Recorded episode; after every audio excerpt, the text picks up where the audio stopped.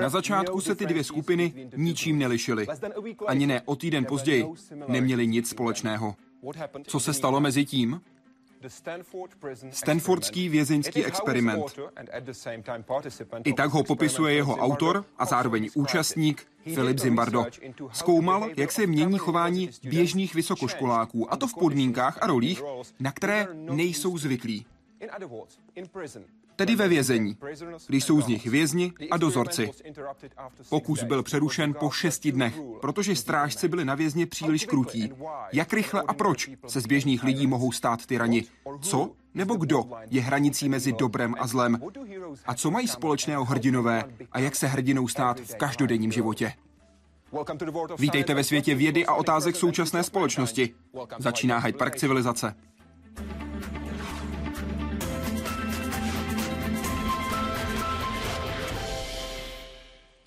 Pane profesore, moc děkuji, že jste přijal naše pozvání. Dobrý večer.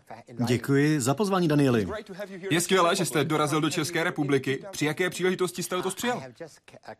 Účastnil jsem se Světového psychologického fóra.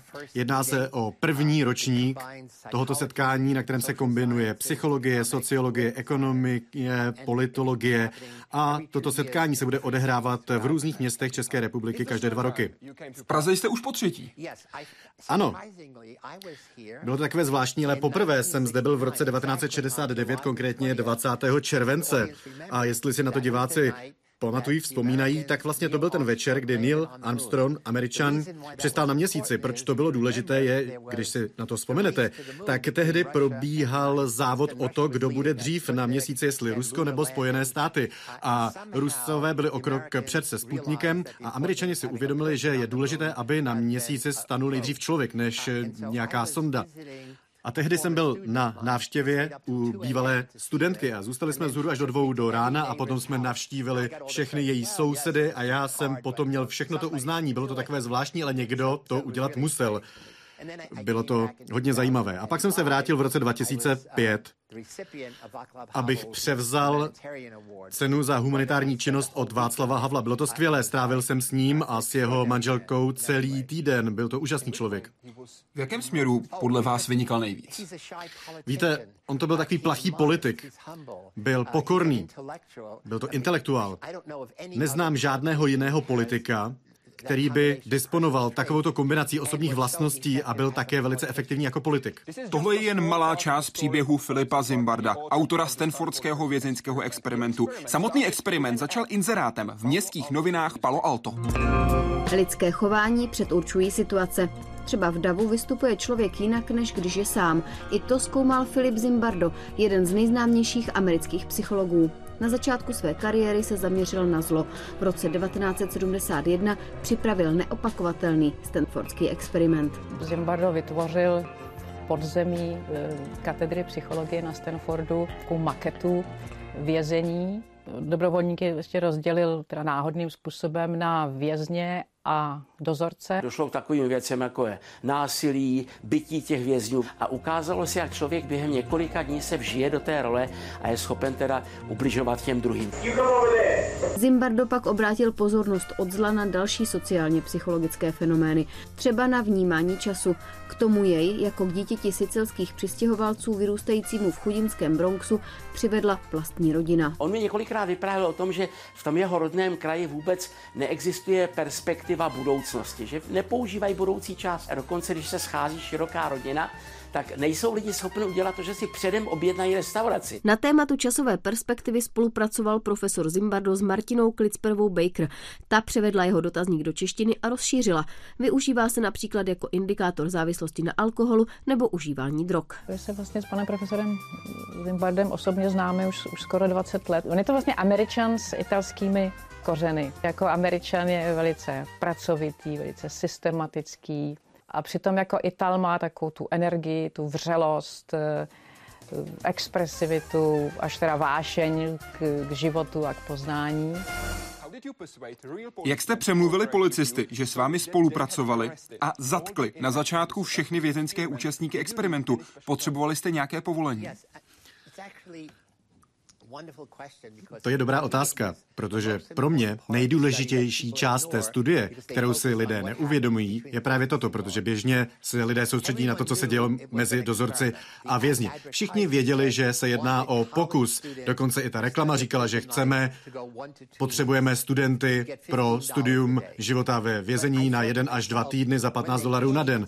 Ale já jsem si říkal, oni přijdou s tím, že mám zájem o ten experiment a psychologicky se vzdávají svobody. A já jsem věděl, že se ty věci trochu zhorší, bude tam stres a oni si tu svobodu budou chtít vzít zpět. Ale teď přišly úřady, policie Realisticky je zatkla, zbavila je svobody, řekla studentům, zatýkáme vás za porušení trestního zákonníku ve smyslu paragrafu tolik a tolik, za ozbrojenou loupež a tak dále. Zatkli je, prohledali je, přivezli je na skutečnou stanici, sejmuli jim otisky, vyfotografovali je, dali je do skutečné cely, zavázali jim oči a jeden ze studentů Craig Haney je potom přivezl do té věznice. Psychologicky to byl dramatický způsob, jak je vlastně uvést do reality vězenského života. Proč jsem takto mohl postupovat, proč jsem přesvědčil policii, tak ten důvod byl následující. Tehdy se protestovalo proti válce ve Větnamu. Studenti na kolejích a na univerzitě protestovali a často přicházela policie nebo národní garda a i střílela na studenty. Ve Stanfordu došlo k potyčkám v Palo Alto a já jsem vlastně potom spolupracoval po těchto událostech se šéfem policie, abychom snížili to napětí mezi univerzitami a policií. Takže policisté přicházeli na večeři do Menzy, studenti mohli jezdit v policejních vozech a tak, když jsem začal zamýšlet ten experiment, tak jsem přišel za policejním kapitánem a řekl jsem mu, udělal byste něco na oplátku za to, co já jsem udělal pro vás? A dovolil byste mi, abychom využili policejní vůz k tomu zatýkání? Já jsem si nebyl jistý, že s tím bude souhlasit a tak jsem přesvědčil televizní stanici, aby přijela na místo a nahrála celou tuto scénku. A policisté si to užívali, hezky se načesali, mysleli si, že budou večer ve zprávách. Takže ta studie začala nejen tímto zatýkáním, ale vlastně ještě předtím se jednalo o televizní pokrytí této události. Zajímá mě, co se dělo mezi zatčením a samotným uvězněním. Protože vy jste to připravil, řekl bych, velmi věrohodně. Například každý z vězňů byl podrobně prohledán, svlečen a potom odvšiven sprejem. Mm-hmm. Bylo tohle skutečně nutné? Ano, byl to rok 1971. Za prvé, když jsme se účastníků zeptali, jestli chtějí být dozorci nebo vězni, tak nikdo nechtěl být dozorcem, nikdo neměl rád policii a dozorce. Takže ti, kdo hráli dozorce v těch uniformách, tak se necítili moc dobře. Nicméně si uvědomujeme, že vězení jsou místa, kde se uplatňuje moc. A musí to tak být, protože dozorců je vždycky méně než vězňů. Vězni jsou nebezpeční, můžou vás zabít domácku vyrobenými zbraněmi a tak dozorci musí ukázat, že mají moc a sílu a vine. A to, co se stalo v rámci naší studie, bylo následující. První den se nestalo nic a my jsme mysleli, že s tím prostě přestaneme, že to odpískáme. Ale vězni ztrácejí lidskou důstojnost. Dostali stejnokroje, žádné spodní, prádlo, stali se pouhým číslem, které museli pořád opakovat. To, že jsme jim dali ty stejnokroje a žádné spodní prádlo, bylo, že jsme je feminizovali. Připravili jsme je o tu jejich mužskou píchu. Když máte na sobě něco takového, tak musíte sedět jinak a tak dále. A já jsem vytvořil psychologickou taktiku dehumanizace vězňů. Tak jste jim dal řetěz na kotník. Ano. Když spí a mají nějaký sen, tak můžou zapomenout na to, že jsou vězni, ale když se potom ve spánku obrátí, tak zjistí, že mají ten řetěz na noze, bouchnou se a opět si uvědomí, že jsou vězni. Spolupracoval jste s Karlem Prescottem, mužem, který byl ve vězení, a to 17 let. Co vám řekl, když jste za ním přišel a řekl jste mu, chci udělat realistické vězení? Co vám poradil? Víte, důvod, proč jsme se vybrali vězení, je, že se jedná o systém. Systém nadvlády a kontroly. A Celá ta pointa té studie není, že prostě chceme týrat studenty, ale chceme ukázat, že situace má moc nad jednotlivci, že je úplně jedno, jaká je vaše personalita. Když jste v roli dozorce, jste dozorcem. A je úplně jedno, jestli jste předtím byl nebo nebyl dobrý člověk. Když jste vězeň, hrajete roli vězně, tak vaše osobnost nehraje roli. Takže cílem studie je ukázat, že situace je silnější než osobnost. Společně s Karlem Prescottem jsme udělali následující. Nic jsme neznali, nevěděli jsme nic ohledně vězenského života a rok předtím v létě jsme vedli kurz, který se jmenoval Psychologie věznění. A on k nám přivedl dozorce, skutečné dozorce, bývalé vězně a snažili jsme se pochopit, jaká je mentalita dozorců a vězňů a o čem to vězení vlastně je. Poradil vám, jak změnit nějaké části vězení. Například něco přidat, aby bylo vězení realističtější.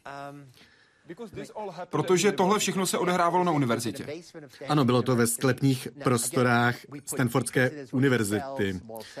Vězni byli v celách, byly tam mříže samozřejmě. Jedná se o celé jedno křídlo. Byla tam samotka, což byla taková malá místnostka. Takzvaná díra. Ano, díra. Dávali jsme je do díry. Takže jsme psychologicky vytvořili realistické prostředí. Bylo to skutečně symbolické. Měli jsme návštěvní dny. Přicházeli rodinní příslušníci, probíhaly propouštěcí komise, byl tam také vězeňský kaplan, přicházeli tam obhájci ex ofo za vězni a probíhalo to 24 hodin denně, každý den. Vězni žili 24 hodin denně ve vězení, 9 vězňů, 3 cely, v každé celé 3 vězni a byly tam tři směny, tři služby. Dozorci přicházeli, po směně odcházeli domů a pak se zase vraceli. Ve vězení nebyly hodiny ani okna. To znamená, že každý ztrácel pojem o čase. Každá služba byla jako nový den. Dozorci přicházeli, ostatním říkali, co se tam dělo a potom oni byli ještě horší. Web a Jana Marková, která se ptá, jak rychle se měnilo chování vězňů a jak rychle strážců? Měnili se všichni najednou, nebo byl jeden v úvozovkách spouštěč? Děkuji vám za odpověď. Na konci prvního dne se nedělo vůbec nic a já jsem si tehdy říkal, experiment ukončíme. Ráno následujícího dne, den 2, celý experiment začal 14. července v neděli a potom 15. července ráno se vězni vzbouřili. Nechtěli přijít o svou lidskou důstojnost. Strhli si čísla, místo abychom je oholili, tak měli na hlavě punčochu, oni si ji stahli a zamkli se do cel a začali nadávat dozorcům. A dozorci za mnou přišli a řekli, co s tím. A já jim říkám, to je vaše vězení, udělejte, co uznáte za vhodné. A oni řekli, potřebujeme posily. A tak jsme svolali všechny dozorce z ostatních eh, služeb, z ostatních směn plus záložní dozorce. Dohromady jich bylo 12, tak vyrazili dveře, vytáhli vězně, zvlékli je, došlo k fyzickým kontaktům, k fyzickým konfrontacím a tehdy se to změnilo. Dozorci si řekli, vězni jsou nebezpeční a musíme je ovládat. A to byl také ten okamžik, kdy se změnilo chování dozorců k vězňům, protože, cituji z knihy Luciferův efekt, jeden z dozorců řekl, pojďme používat psychologické metody místo fyzických. Ano, já jsem jim řekl, že nemůžou používat eh, fyzickou sílu. Ale nikdo z těch dozorců ani vězňů nebyl psycholog ale přesto si řekli, použijeme psychologické metody. Musí se cítit bezmocní. Takže dozorce řekne vtip, vězeň se zasměje, potrestají ho, nebo řekne vtip a vězeň se nezasměje, také ho potrestají. Bylo to úplně uměle nahodilé prostředí. Vězni věděli pouze to, že se musí na slovo poslouchat.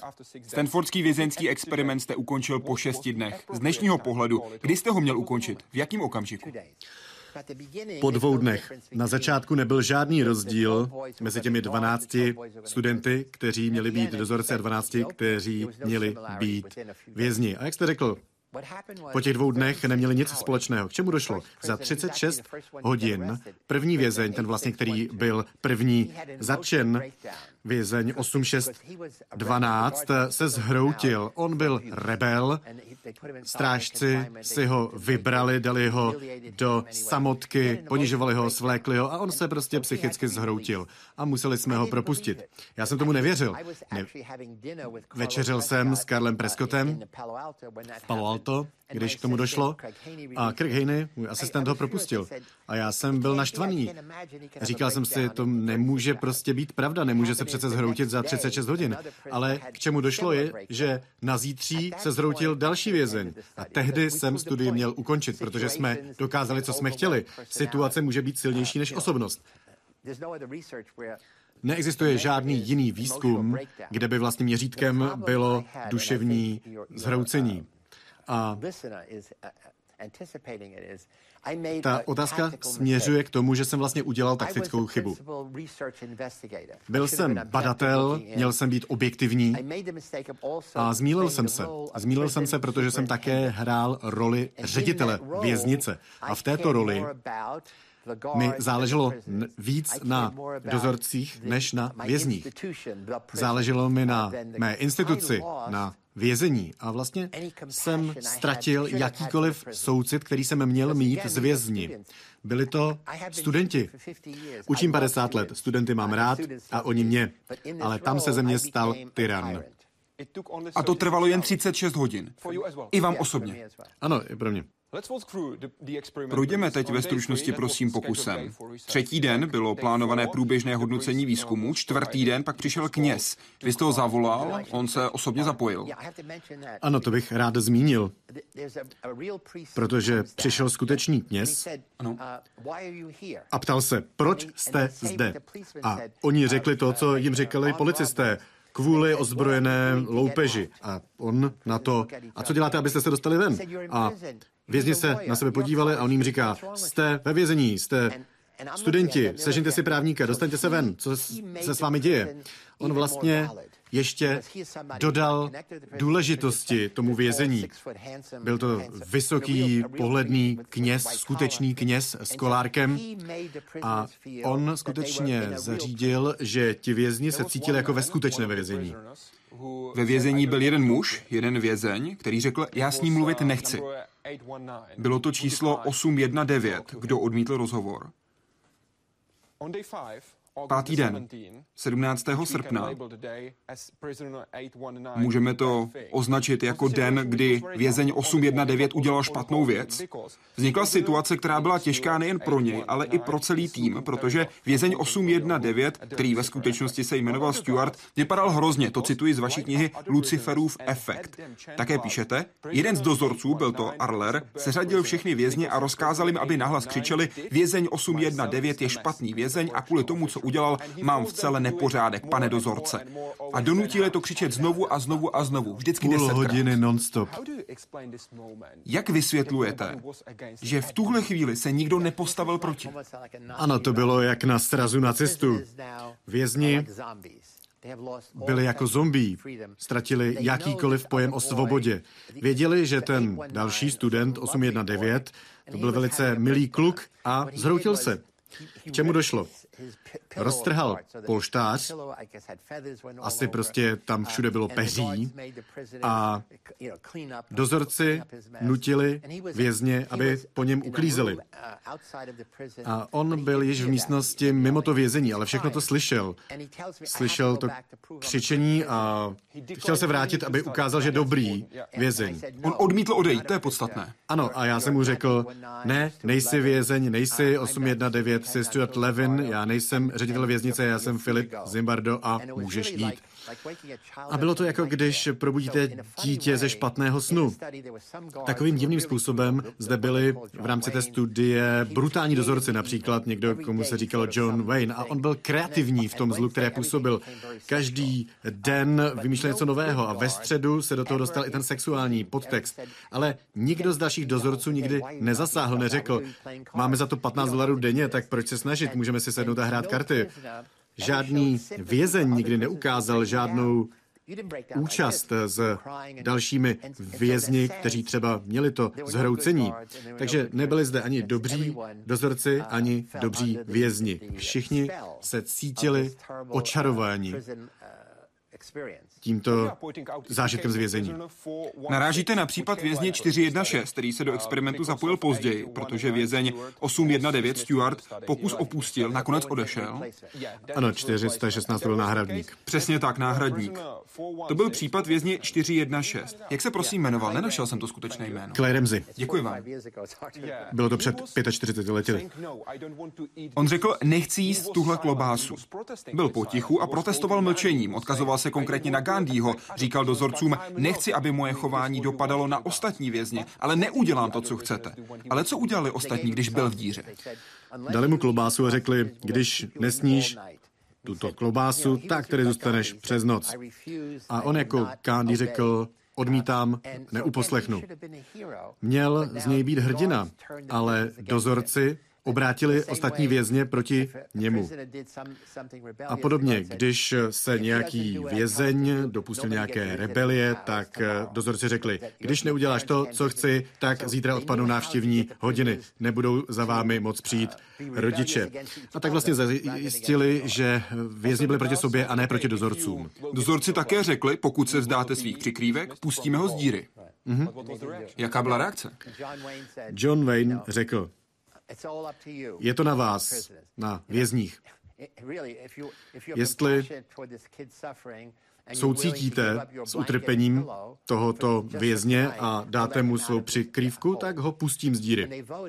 A oni o tom hlasovali a většina řekla, že ne, necháme ho v díře. Zaměřme se na ten poslední okamžik. Byl to dozorce Helman, který křičel na vězně, cituji, vidíte tu díru v zemi, teď udělejte 25 kliků a opíchejte tu díru.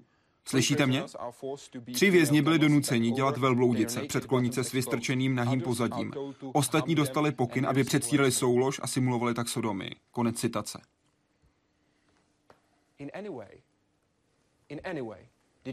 Napadlo vás, že by se něco takového mohlo stát?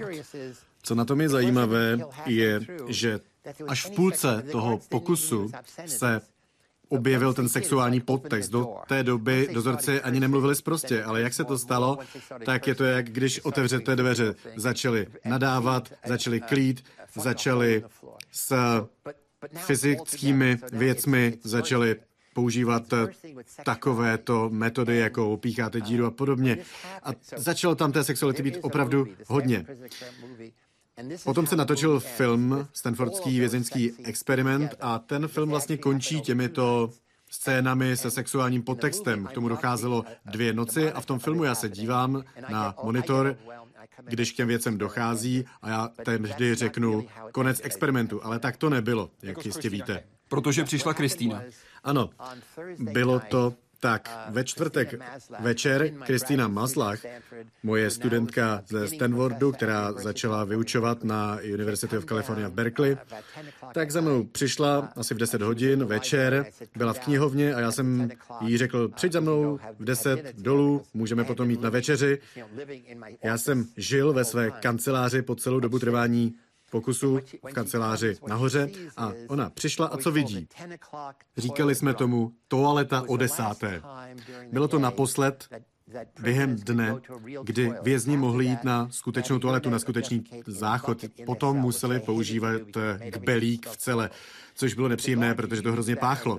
Ale dozorci toto použili jako poslední příležitost, jak degradovat vězně jak je ponížit.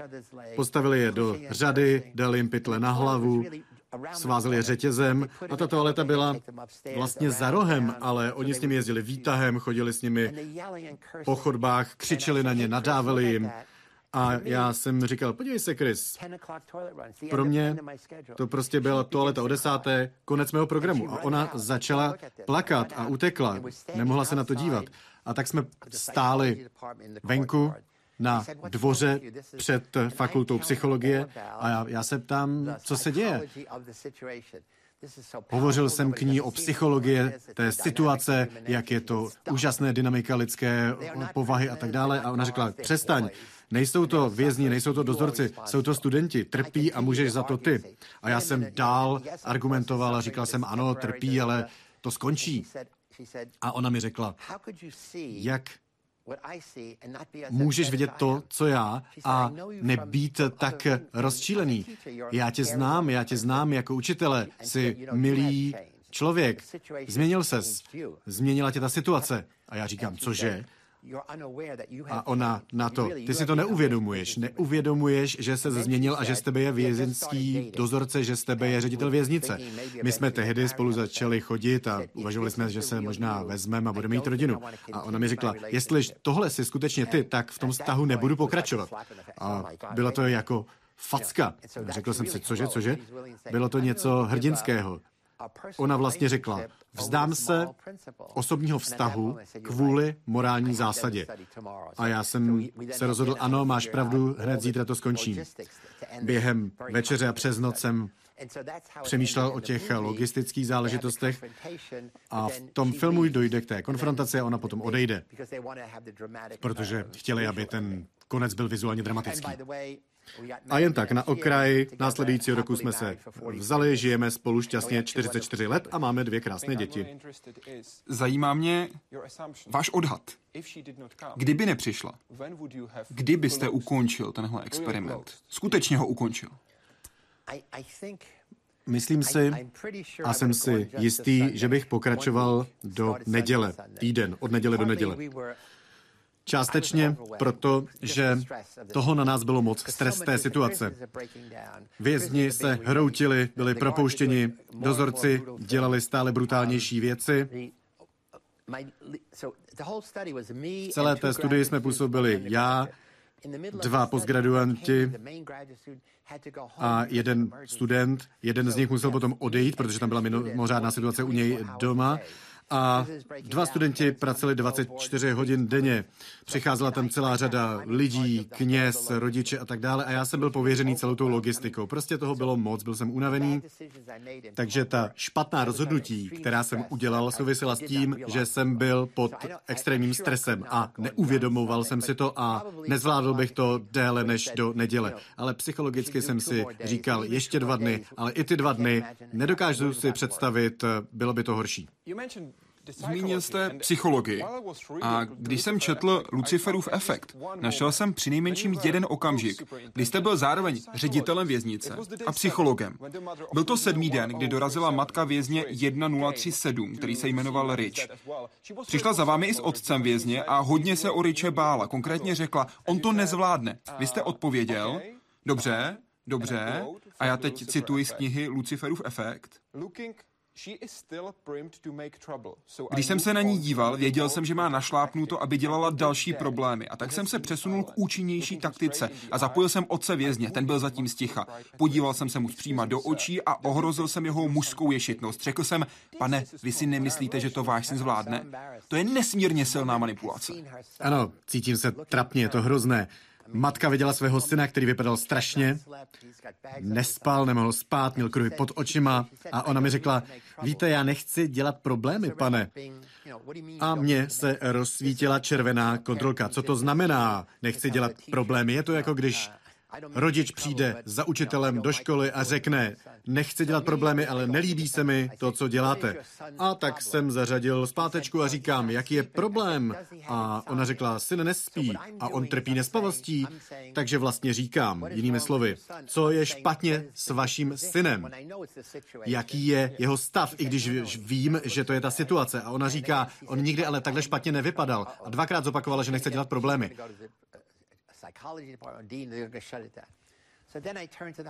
A tak jsem se obrátil na otce a udělal jsem něco, co je odporné. Řekl jsem otci, chtěl jsem zaangažovat jeho macho pocity. Myslíte si, že to váš syn nezvládne? A on potom na to řekne, no víte, je to skutečně tvrdák, zvládne to, tak jsme si potřásli, popláceli, prostě jako dva chlapáci.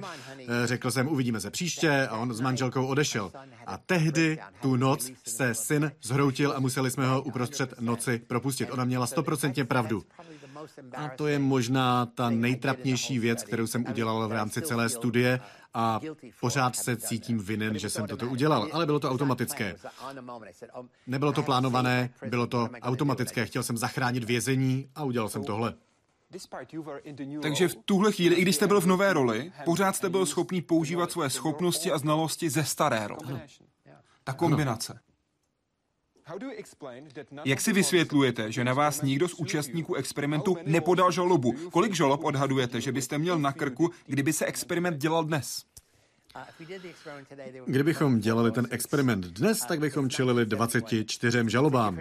Byl to rok 1971, lidé uvažovali jinak, lidé se tolik nesoudili obecně. A v té otázce vlastně nalezneme i tu položku etiky, protože podobný výzkum už se nemůže zopakovat. My jsme měli v rámci té studie komisi pro dohled nad účastníky. A tu komisi zajímal hlavně zdravotní stav. Bezpečnostní záležitosti byl tam jenom jeden vchod, musel se zajistit, aby měli kudy utéct, kdyby začalo hořet. Dali se tam hasicí přístroje, ty zase potom zneužili dozorci. Když se na to dívám zpětně, tak to etické nebylo. Měli jsme studii ukončit opravdu po zhroucení prvního hvězdně, ale také bych chtěl říct, že na konci studie jsme celý den strávili psychologickým poradenstvím. Hovořil jsem se všemi vězni, se všemi strážci, potom se všemi dohromady a říkal jsem, teď si z toho musíme vzít morální lekci. Začnu sám od sebe, protože jsem byl hlavní dozorce, ředitel věznice.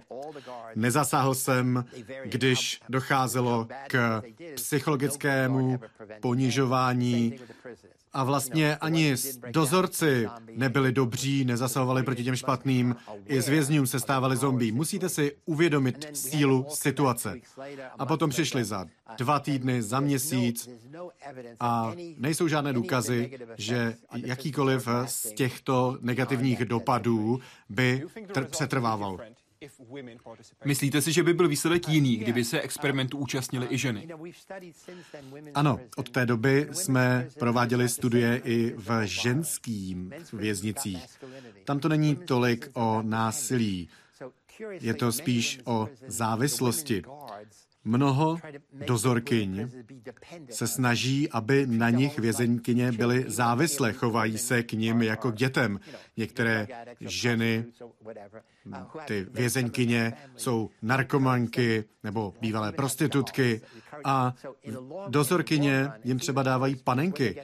Dlouhodobě je to ještě horší, protože když se dostanou z vězení, musí být nezávislé, musí si najít práci. Co si myslíte, jak by to vypadalo po šesti dnech, kdyby tam byly dvě ženy jako dozorkyně a dvě ženy jako vězenkyně?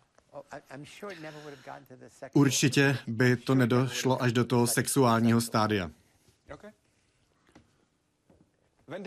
Wendy se ptá, byl Stanfordský experiment nějakým způsobem přínosný pro kontrolu brutality v amerických věznicích? Jsou američtí dozorci kontinuálně podrobováni psychologickým testům, zda u nich nedochází k určité změně osobnosti? Dalo se předejít situaci v Abu Ghraib?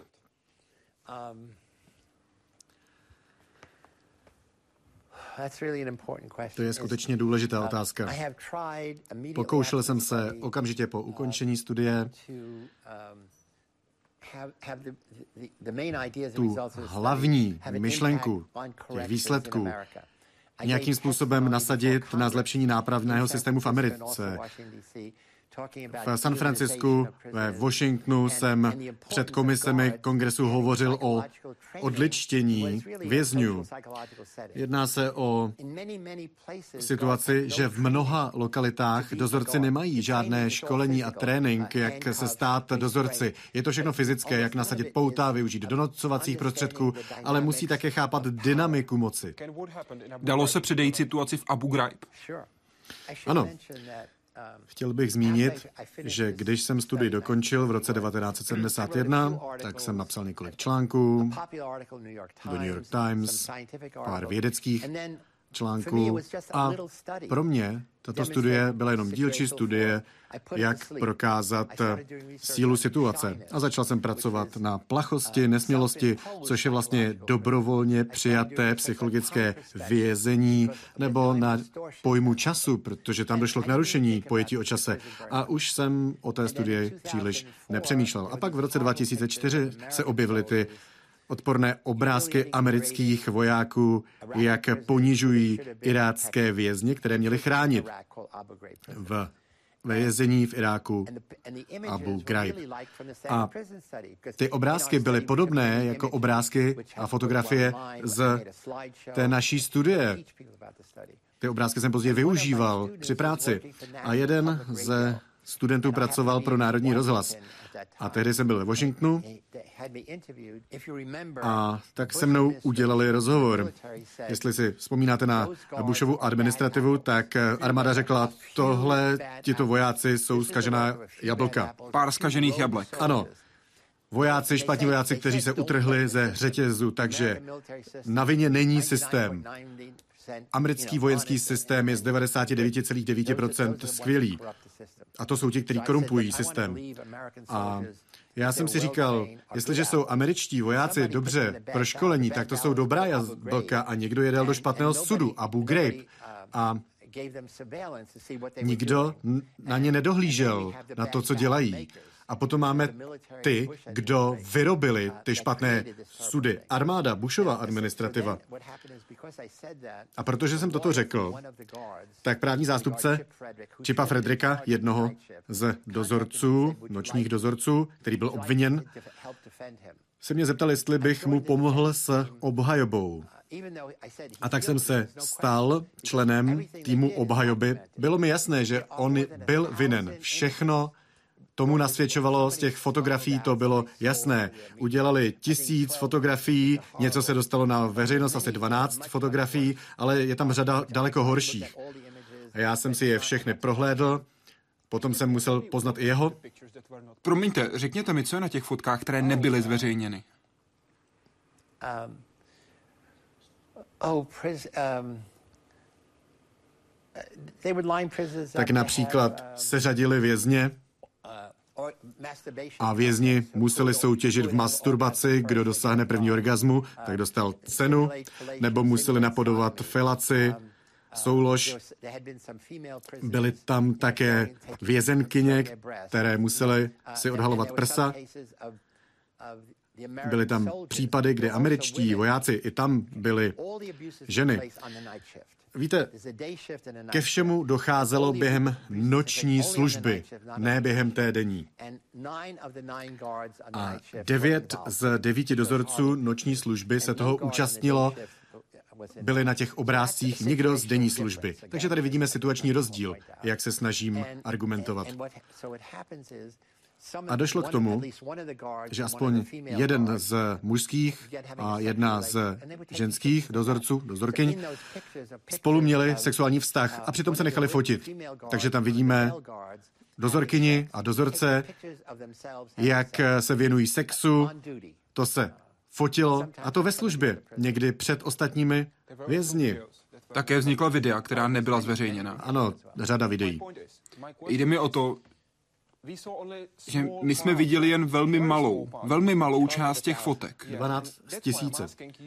A proto se ptám vás, protože vy jste viděl všechny. Je nějaký důvod, proč by veřejnost neměla vidět všechny? Existuje velmi jemná hranice, když jde o pravdu.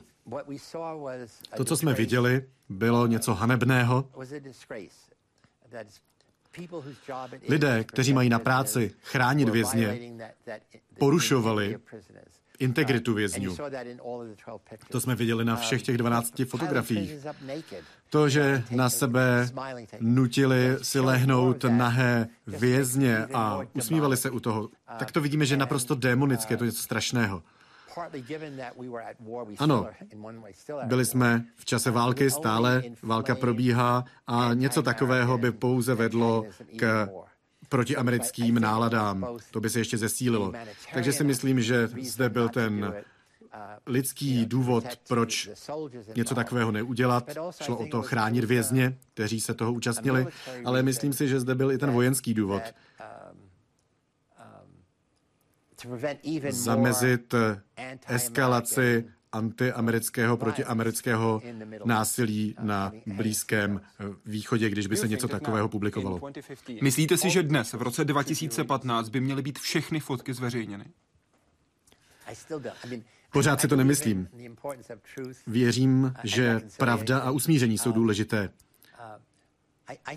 A myslím, že by to stále mělo pouze záporný dopad.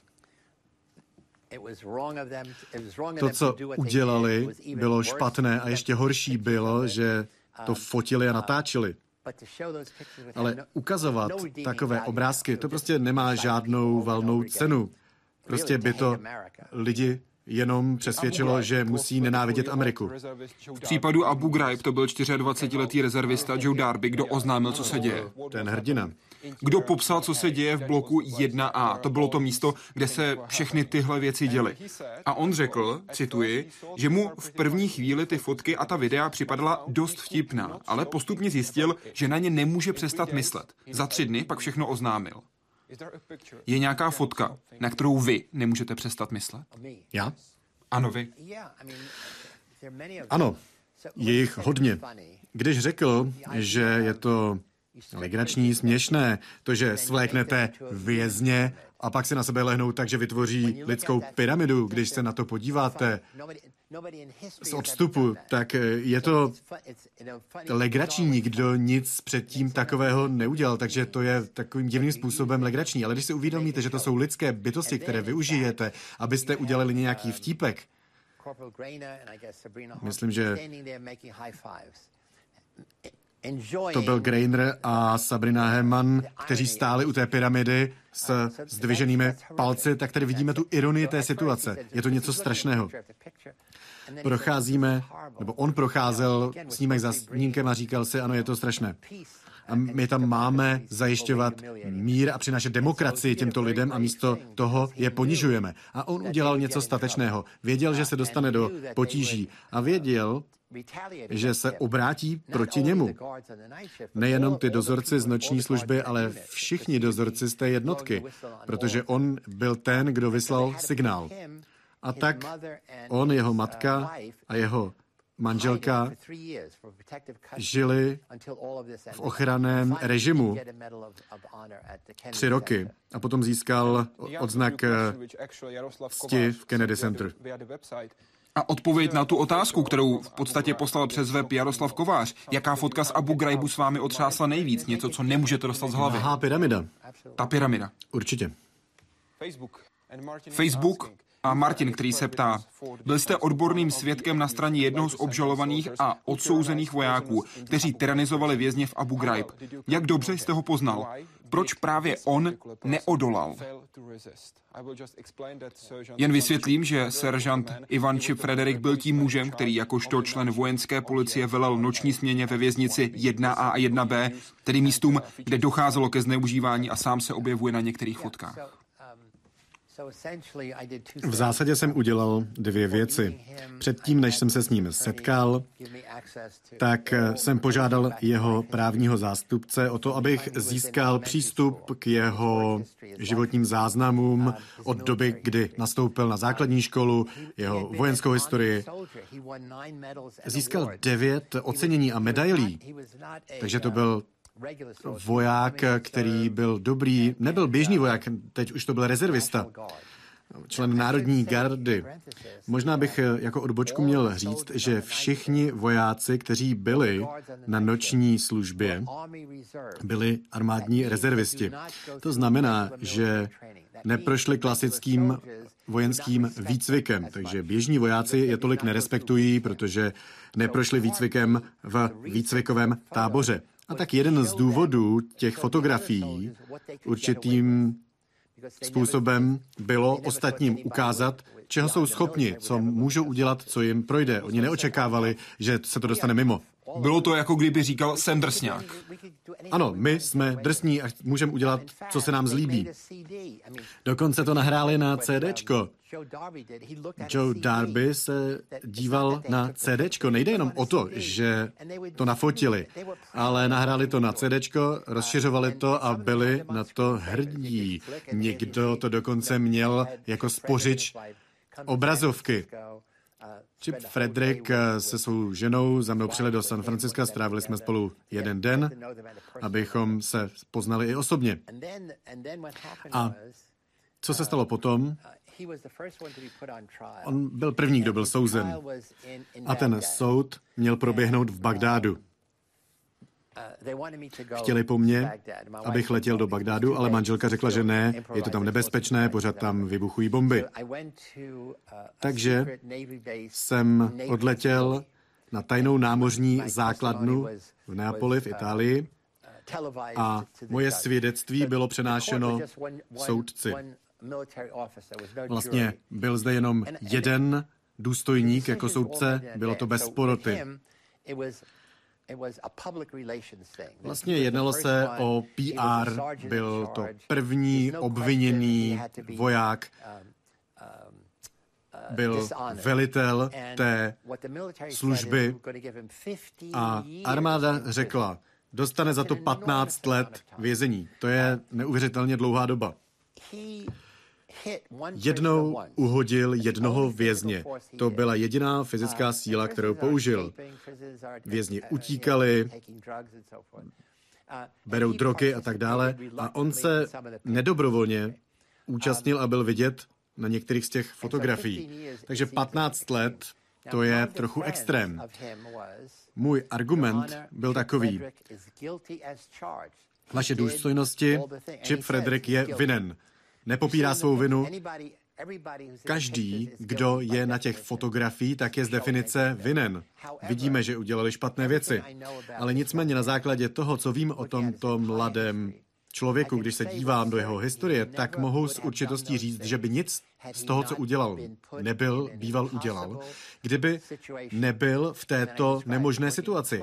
A pak jsem to popsal, 12-hodinové služby, uprostřed noci. Uprostřed noci, když skončil v práci ve 4 ráno, tak neodešel z té věznice.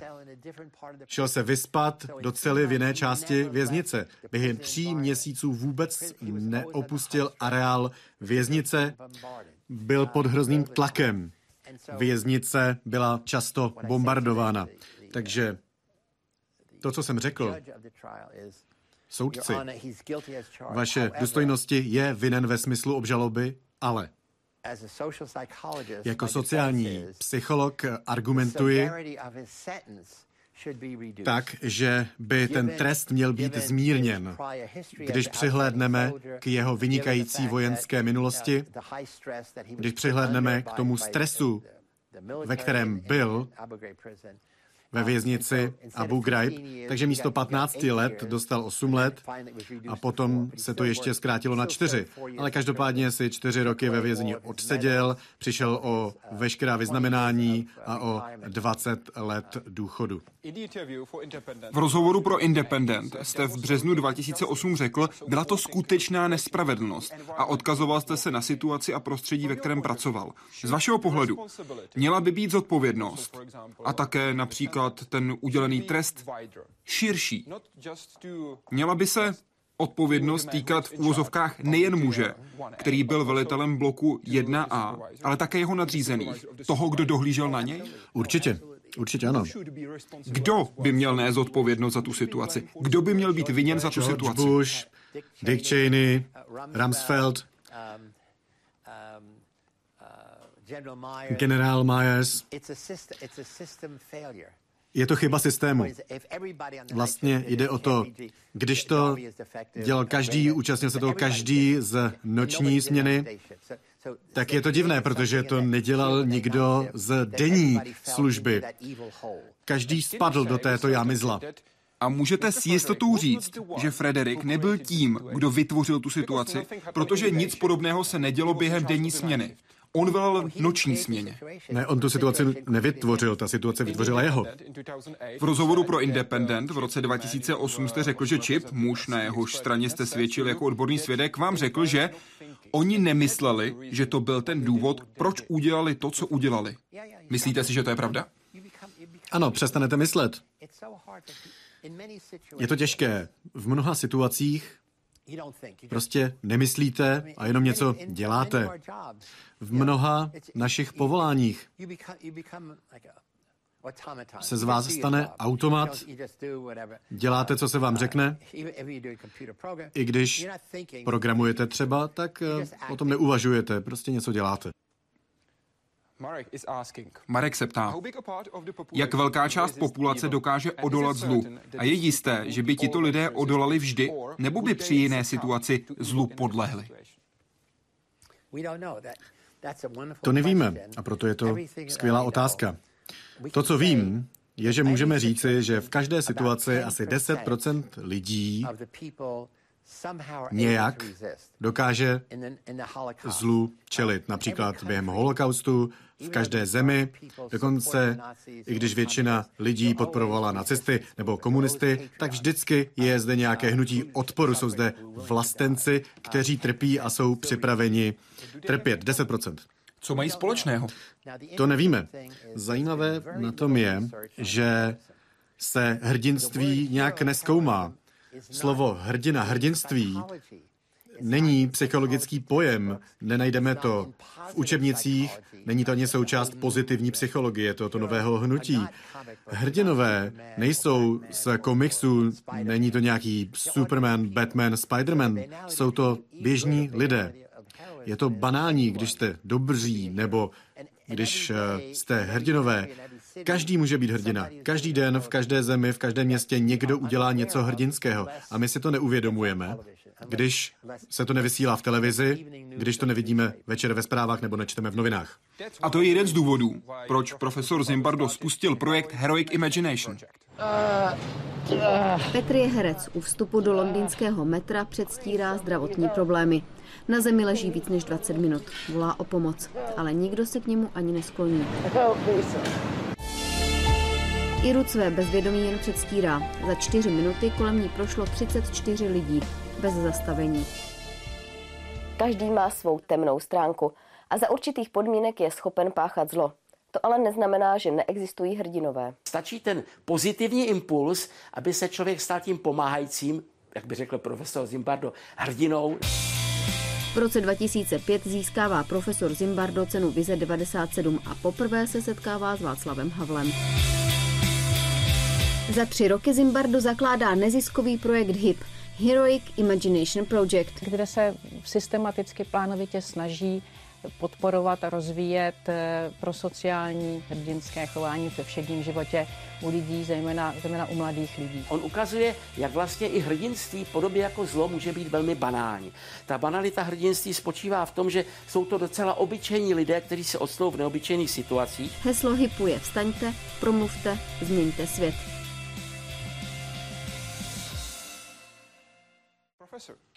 Pane profesore, můžete mi dát příklad, jak se to naučit, jak být každodenní hrdina? Být každodenním hrdinou znamená, že běžný člověk vidí nějaký problém v rodině, ve škole, na pracovišti, v komunitě. Prostě něco není dobře. A ostatní se toho buď nevšímají, anebo vidí, že to je špatně, ale nic neudělají. Hrdinové něco udělají, když ostatní nedělají nic. A to něco znamená, že povstanete, promluvíte a začnete jednat. Řeknete, tohle je špatně, mohli bychom udělat toto. Hrdinové jsou nejefektivnější ve skupině. Když děláte něco sám, postavíte se proti systému, tak se vám systém vysměje, že jste fanatik. Ale když s vámi souhlasí dva, tři další lidé, tak se z toho stane názor a to už se vám systém nevysměje.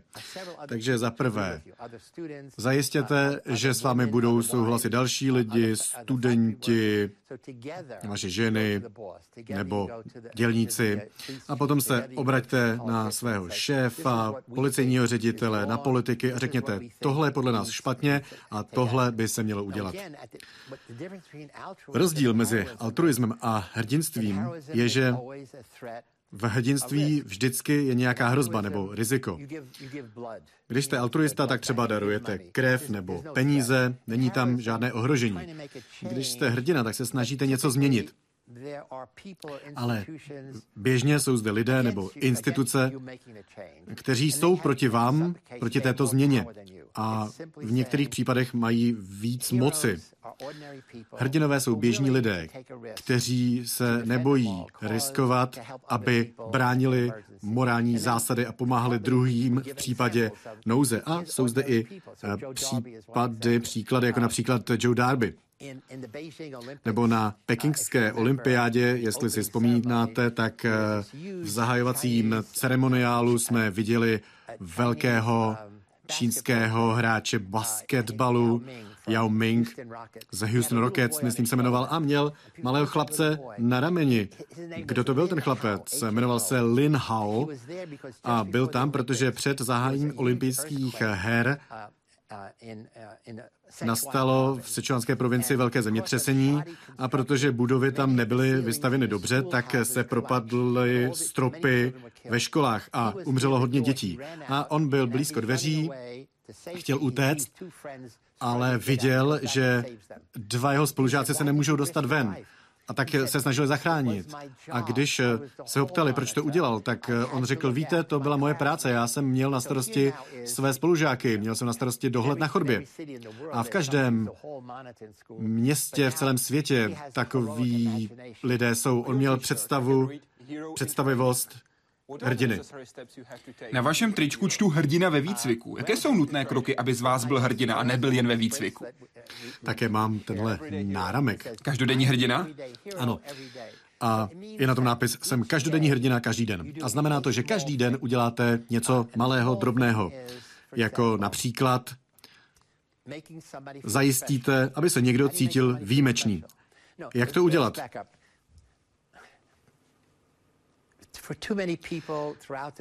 Řekněme, příliš mnoho lidí po celém světě žije život v tom smyslu, že nic neznamenají. Nikdo se vás nevšímá, nikdo se o vás nestará, máte špatně placenou rutinní práci a my teď řekneme, ne, ne. V Praze jsem to neviděl, ale třeba ve San Francisku nebo v Budapešti máte spoustu lidí bez domova. A já se každý den rozhodnu, že budu dávat dolar člověku bez domova, staršímu člověku nebo na kolečkovém křesle. Ale jak to udělám? Oni třeba mají nataženou ruku a předtím, než já jim dám ten dolar, tak jim řeknu, promiňte, jak se jmenujete? Oni mi odpoví a já řeknu, já jsem Phil a potřeseme se rukou a já jim řeknu, mrzí mě, že se vám nedaří, doufám, že tohle trochu pomůže. Co jsem tedy udělal? Z toho bezdomovce jsem udělal člověka bezdomova, což je dramaticky něco úplně jiného. Je to jako, když řeknete, že jste pacient s duševní problémy, anebo jste psychicky nemocný, duševně nemocný. To je důležité pro tu konkrétní osobu. Poslední otázku, která je pro vás připravena, poslala Lila. Co je podle vás největší slabina a co nejsilnější vlastnost lidstva? To je otázka. Největší hrozba je, že Každý jednotlivec může ztratit pocit eh, osobní důstojnosti. Když eh, uvažujete, že nic neznamenáte, tak to znamená, že jste každému ukradený. Možná vaše matka na vás myslí, ale ona jednou neumře. Tak jak vytvořit společnost, kde by se každý cítil, že má svou cenu? A nejsilnější vlastnost lidstva? A největší silná stránka je odolnost, to, že budeme pracovat společně, abychom vytvořili sílu mnoha, sílu, kdy budeme spolupracovat tak, abychom pomohli chudým, lidem bez domova, psychicky nemocným. Říká Filip Zimbardo, který byl hostem Hyde Parku Civilizace. Moc děkuji. Děkuji, Danieli. A děkuji vám, že jste byli s námi u rozhovoru s profesorem Zimbardem. Prosím, své komentáře nám napište na webu www.hydeparkcivilizace.cz. Děkuji moc a přeji vám hezký večer.